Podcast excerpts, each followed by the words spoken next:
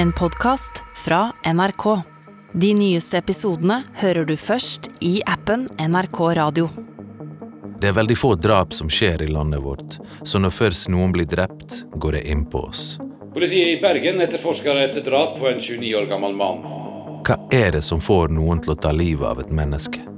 Og hva er det som avslører gjerningspersonen? I Åsane i Bergen ble den avdøde 29-åringen funnet drept i sin bolig i går formiddag.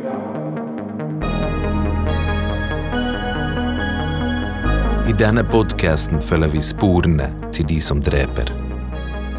Vi skal ta for oss drapssaker i Norge og snakke med etterforskerne og ekspertene og de som kan gi oss svar på hvordan disse ble oppklart. Jeg heter Leo Ajkic, og dette er I dødens spor. Dette er del én av tre om Åsane-saken.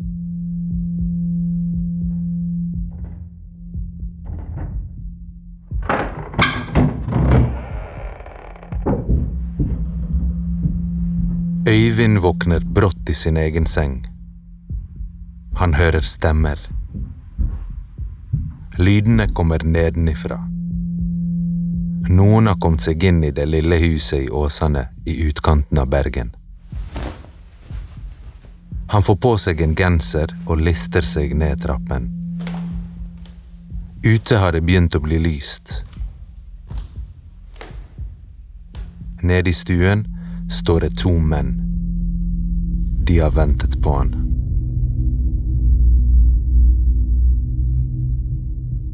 Mennene har på seg hansker og mørke klær. Den ene har et håndkle over håndleddet. Han prøver å skjule noe han holder. Det ser ut som en pistol. Mennene peker på en lenestol og ber han om å sette seg. Det hjelper lite å skrike, for det er langt til nærmeste nabo.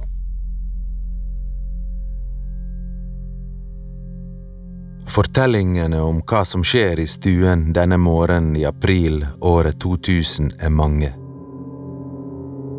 Det vi vet er at Øyvind Bjarte Madsen sitter forsvarsløs på en stol i sitt eget hjem, mens noen presser en pistol mot hodet hans.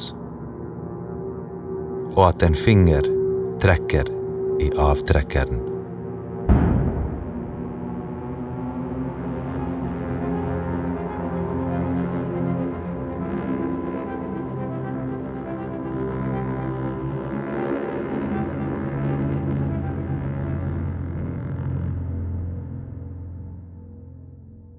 Oftest så vil et skudd mot hodet med, med et skikkelig våpen, det vil som regel føre til en gjennomtrengning av skallen, sånn at kulen går inn i hjernen.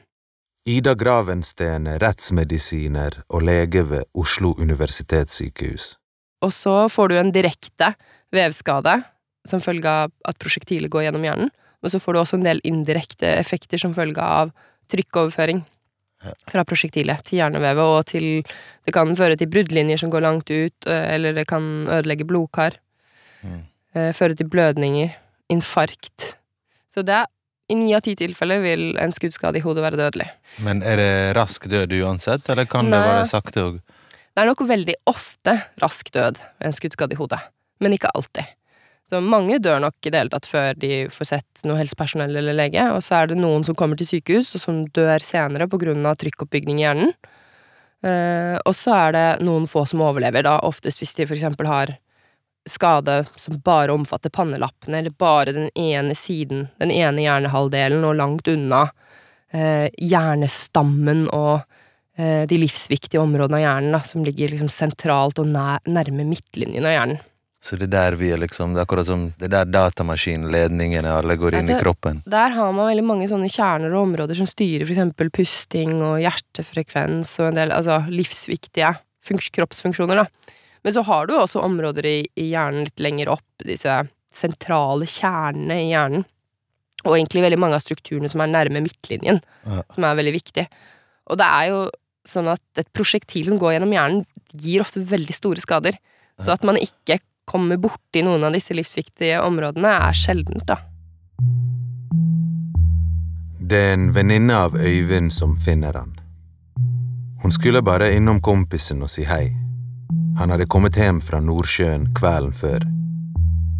29-åringen jobbet på oljeplattform som stillasmontør og skulle nyte friperioden sin hjemme i Åsane. Han var alltid i godt humør etter en jobbperiode, og sånn var det denne gangen òg.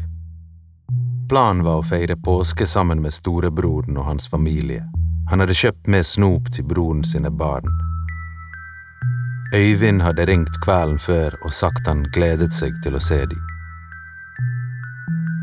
Da han landet i Bergen, dro han rett til sin 74 år gamle far, bare for å si at han var hjemme. Og dette skulle være den siste gangen 74-åringen så sønnen sin i live.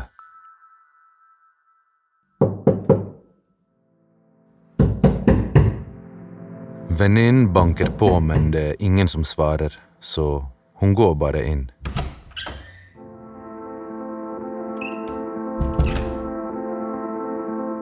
Det er blod overalt, og midt i stuen, i en lenestol, sitter han. Øyvind.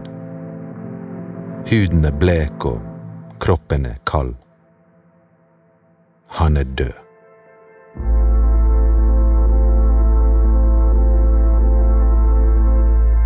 Venninnen tar fram mobilen og ringer ambulansen. Minutter seinere så svermer det av politifolk, etterforskere og krimteknikere rundt huset.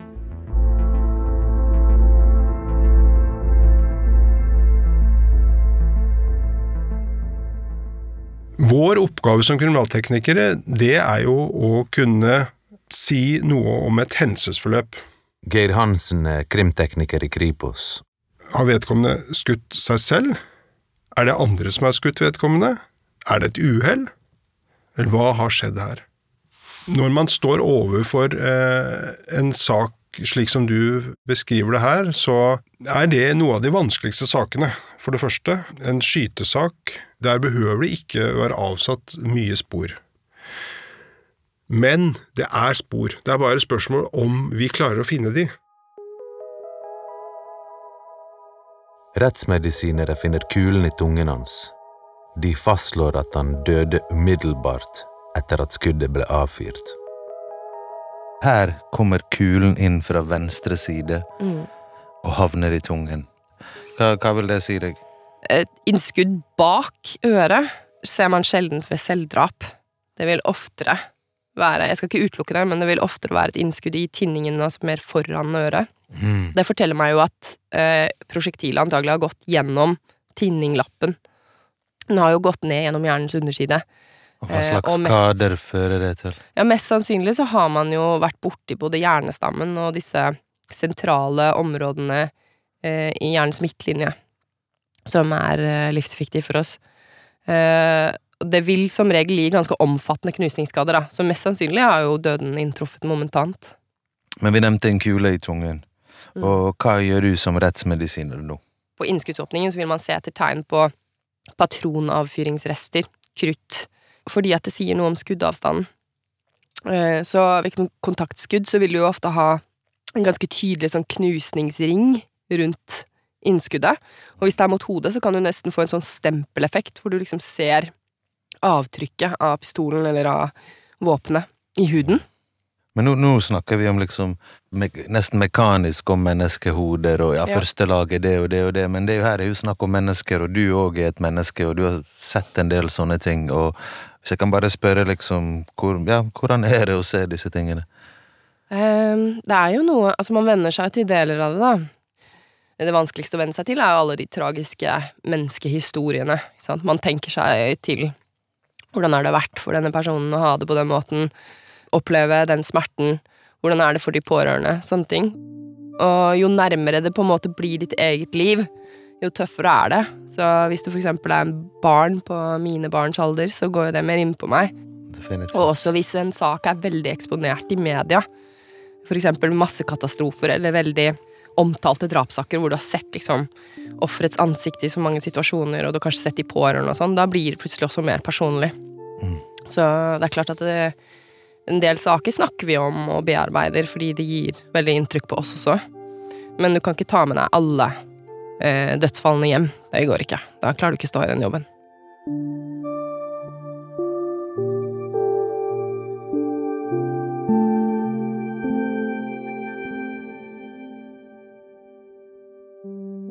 Et politibånd henger mellom furutrærne rundt det lille rødbrune huset i Åsane.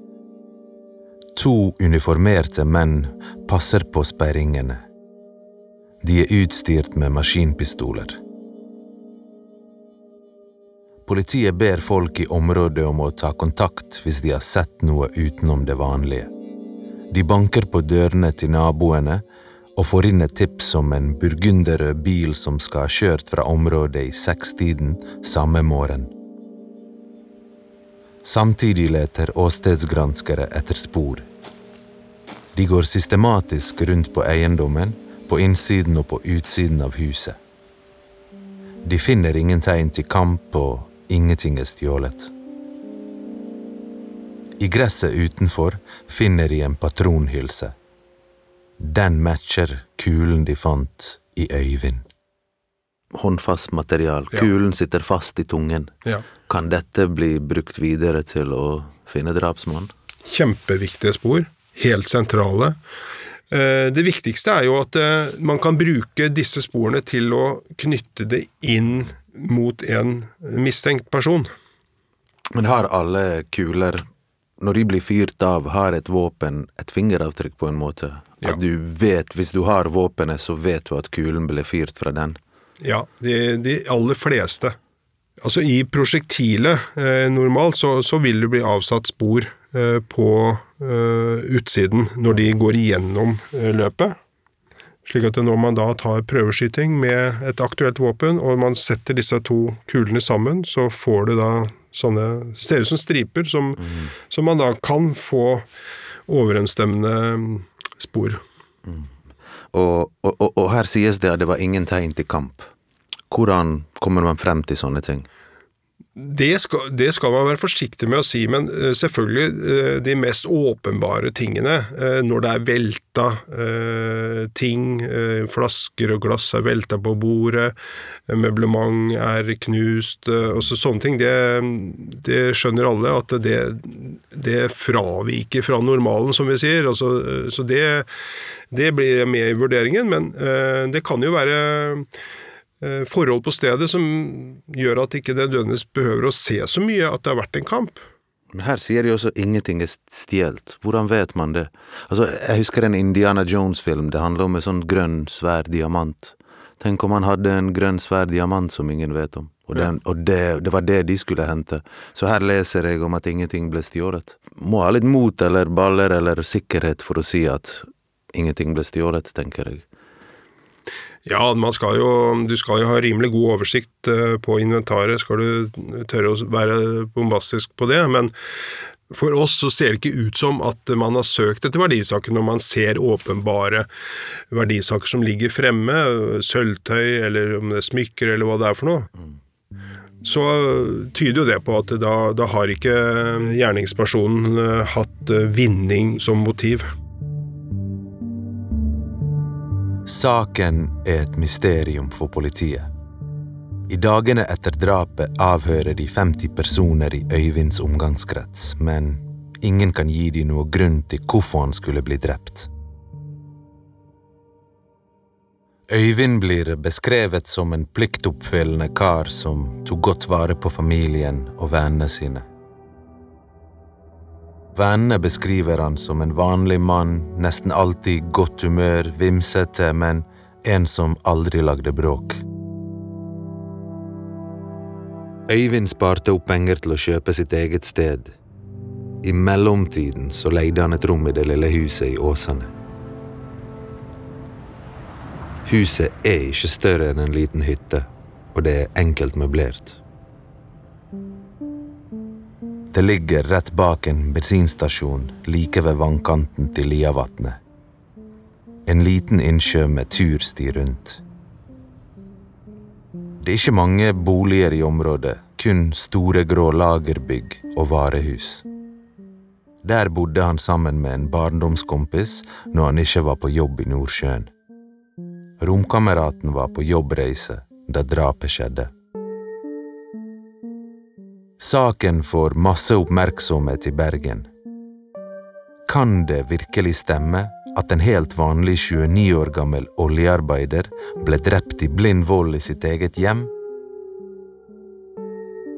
I et intervju med Bergens Tidende sier etterforskningslederen at hun ikke kan huske en sak der politiet har stått så tomhendt etter så mye etterforskning. Men hun tror ikke drapet er tilfeldig. Det virker nøye planlagt. Rune Utne Reitan, politioverbetjent og metodeekspert. Altså, nå står politiet på en måte stille. Denne saken virker det som om drapet var planlagt. Den som har skutt, må ha visst at Øyvind nettopp hadde kommet hjem fra Nordsjøen, og at romkameraten ikke var hjemme, og det var heller ingenting som var stjålet. Altså, hvilken tegn er det som kan avsløre at, uh, at et drap er planlagt? det med planlegging dreier seg gjerne om hva vedkommende har tenkt og vurdert eh, før hendelsen skjer. Og Det som vil være indikasjoner på det, det er både hvordan det ser ut på åstedet, har det vært kamp der, eller er det en ren henrettelse? Og så kan det òg være ting så at vedkommende har hatt med seg ting som er, er, liksom ment for å gjennomføre et drap. Har du med deg et våpen? Har du, eh, har du med deg ting for å skjule spor eh, etter deg? Mm. Og i denne saken, på en måte, hva, hva, betyr det videre for etterforskningen å finne ut om det var planlagt eller ikke? Ja, eh, I alle sånne drapssaker så har vi, har vi, to utgangspunkt. Det ene er åstedet, og det andre er jo rundt den som er drept. Hvem var han? Hva konflikter finnes det? Hva omgangskrets finnes det? Hva er bakgrunnen her? Og så er det gjerne de to tingene vi begynner å nøste i før vi vet noe om hvem som kan ha stått bak. Og når vi begynner å se på de tingene, så vil jo det være et spørsmål hvem er det hvem er det som kan ha en grunn til det, hvem er det som har et motiv, eh, hva kan dette skyldes? Så utvikler du ulike former for teorier, eller hypoteser som jeg kaller det, og så jobber du ut fra det og samler inn informasjon og finner er det noe som bekrefter eller avkrefter de i teoriene, og så innretter du etterforskningen etter, etter det.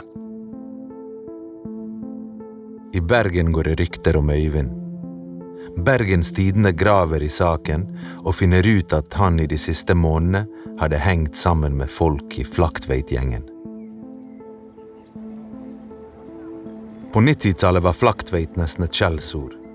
Det var tyveri og hærverk i området, og media blåste det hele opp til at det var gjengtilstander i bydelen som lå i Åsane. Altså, stedet fikk rykte på seg for å være hardt og farlig, og alle i Bergen hadde hørt om Flaktveit-gjengen. Men egentlig så var det uorganiserte ungdommer som lagde bråk. Det er særlig én Øyvind hadde fått kontakt med. En 25 år gammel dørvakt med kriminell bakgrunn. Han blir intervjuet i Bergens Tidende, der han sier det ikke var noe vondt i Øyvind, og at han var som en bror for han. Han sier òg til avisen at det sannsynligvis er mye politiet ikke vet.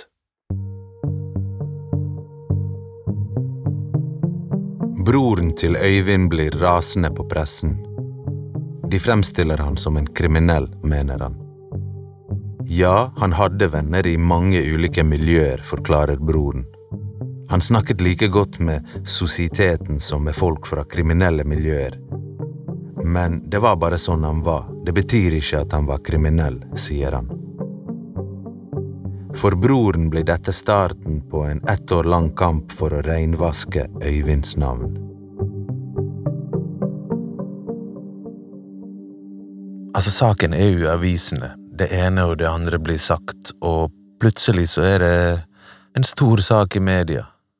Hun sa, han sa. Hva har det å si for saken når folk blander seg inn? Det som er Problemet for oss er jo at uh, vitner, potensielle vitner påvirkes. Folk gjør seg gjerne opp en oppfatning av uh, hvordan ting har vært, basert på medias eh, dekning. Og hvis det da er folk vi senere skal avhøre, så er det jo vanskelig for oss å skille hva de egentlig visste, eller hva de har tatt til seg fra mediets dekning. da. Mm. Så, og det kan òg være at folk får liksom sånn forutinntatte eh, oppfatninger om, om, hva som har skjedd, basert på den dekningen. Da. Så skulle vi velge, så hadde det egentlig vært sånn at alle vitnene satt uh, hjemme i huset sitt uten å ha mediedekning og snakke med noen, så hadde vi fått eh, bedre forklaringer. Så det er iallfall ting vi må ta høyde for når det har vært veldig sånn medieprofilerte saker, at de, de kan ha blitt oversmitta av informasjon fra, fra mediedekningen. da.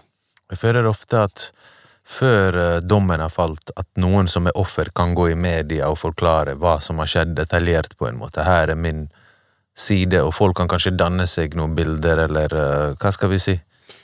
Ja, det er jo ytterligere et problem, nemlig at uh, alle som møter der, enten som dommere eller meddommere, òg vil kunne bli uh, ubevisst påvirka av, uh, av, mediedekningen. Sant? Så politiet og påtalemyndigheten prøver jo så langt de kan å ikke forhåndsprosedere saker i media, men at det skal foregå i retten. Så det er ganske viktig, men det er klart i, i saker som har vært ekstremt medieprofilert, så er det jo vanskelig å Eh, ikke blir påvirka av det som står der. Og i tillegg så vet gjerne ikke de som skal møtes som meddommere at de skal være meddommere, så da må de prøve å distansere seg fra det de vet. Mm. Men hva er det kriminelle, politiet og kanskje politikere har til sammen? Nei, det må du hjelpe meg med. Det handler jo om budsjett, om penger, lettjente penger, så vil en stor sak som er i media være bra for dere, for da får dere mer midler, kanskje mer press for å løse dette. Nei, det er, vil vi ikke få i dag. Det følger av budsjettene. Vi må finne penger til det sjøl, så vi har ikke noen sånn egeninteresse i å få saken i media. Mm. Uh, noe av dette dreier seg jo litt om det samfunnsoppdraget politiet har, å fortelle om hva vi gjør. Men, men sånn enkeltsaker har ikke noe å se for budsjettet til politiet. Men ikke det litt press, da? Hvis Nei. saken er mye omtalt i media? Det vil nok være en forventning fra offentligheten at saken blir oppklart. Eh, men eh, det er ikke noen sånn egen prestisje i, de sakene fra vår side. Men, men det, det, skal ikke påvirke på en måte viljen til å få det oppklart. Vi prøver å oppklare alle alvorlige saker.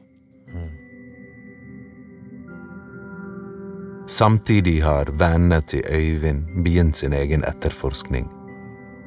De leter etter den burgunderrøde bilen som skal ha blitt sett kjørende fra området i samme tidsrom som drapet skjedde. En mann er skutt i sitt eget hjem, og en uke etter drapet er dette det beste sporet til politiet – en burgunderrød bil.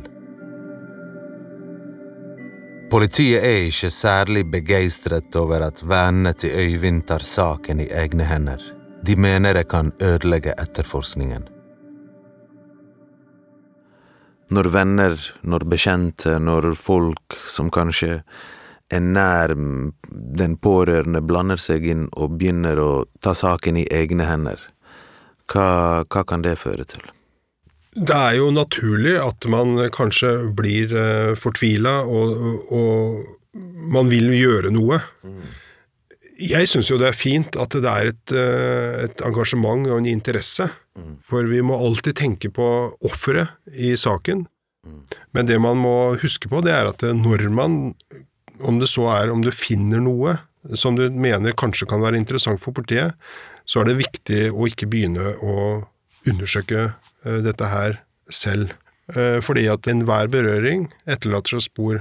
Og så fort du begynner da å håndtere, så kan du kontaminere eh, spor. Forurense, på en måte. Forurense, helt riktig. Et annet sted i Bergen krangler en mann med niesen sin, som han bor med. Niesen bærer på en mørk hemmelighet. Hun åpner seg opp for onkelen sin, mot at han lover å ikke si det til noen. Men da onkelen får vite hva hun vet, vil han at hun skal fortelle alt til politiet.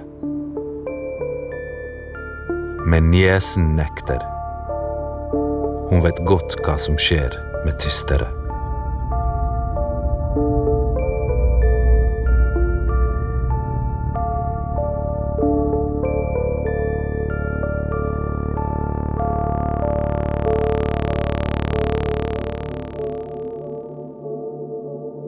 Har hørt del én av tre om Åsane-saken. I neste episode Rent sånn moralsk så tror jeg at en del gir informasjon, eh, men det kan òg åpenbart være hevn. Hvis det blir kjent at noen eh, er politiinformant for oss, så er det klart eh, bundet en risiko til det, på represalier og den type ting. Du har hørt I dødens spor, en podkast laget av Filt for NRK. Ingen av ekspertene vi har snakket med, har jobbet direkte med saken i denne episoden. Manusklipp og lyddesign av Ådne Riis Halås. Lydmiks av Christer Oreteg. Kjenningsmelodi av Steven Romeo og musikk av Therese Aune. Produsent Namra Salim.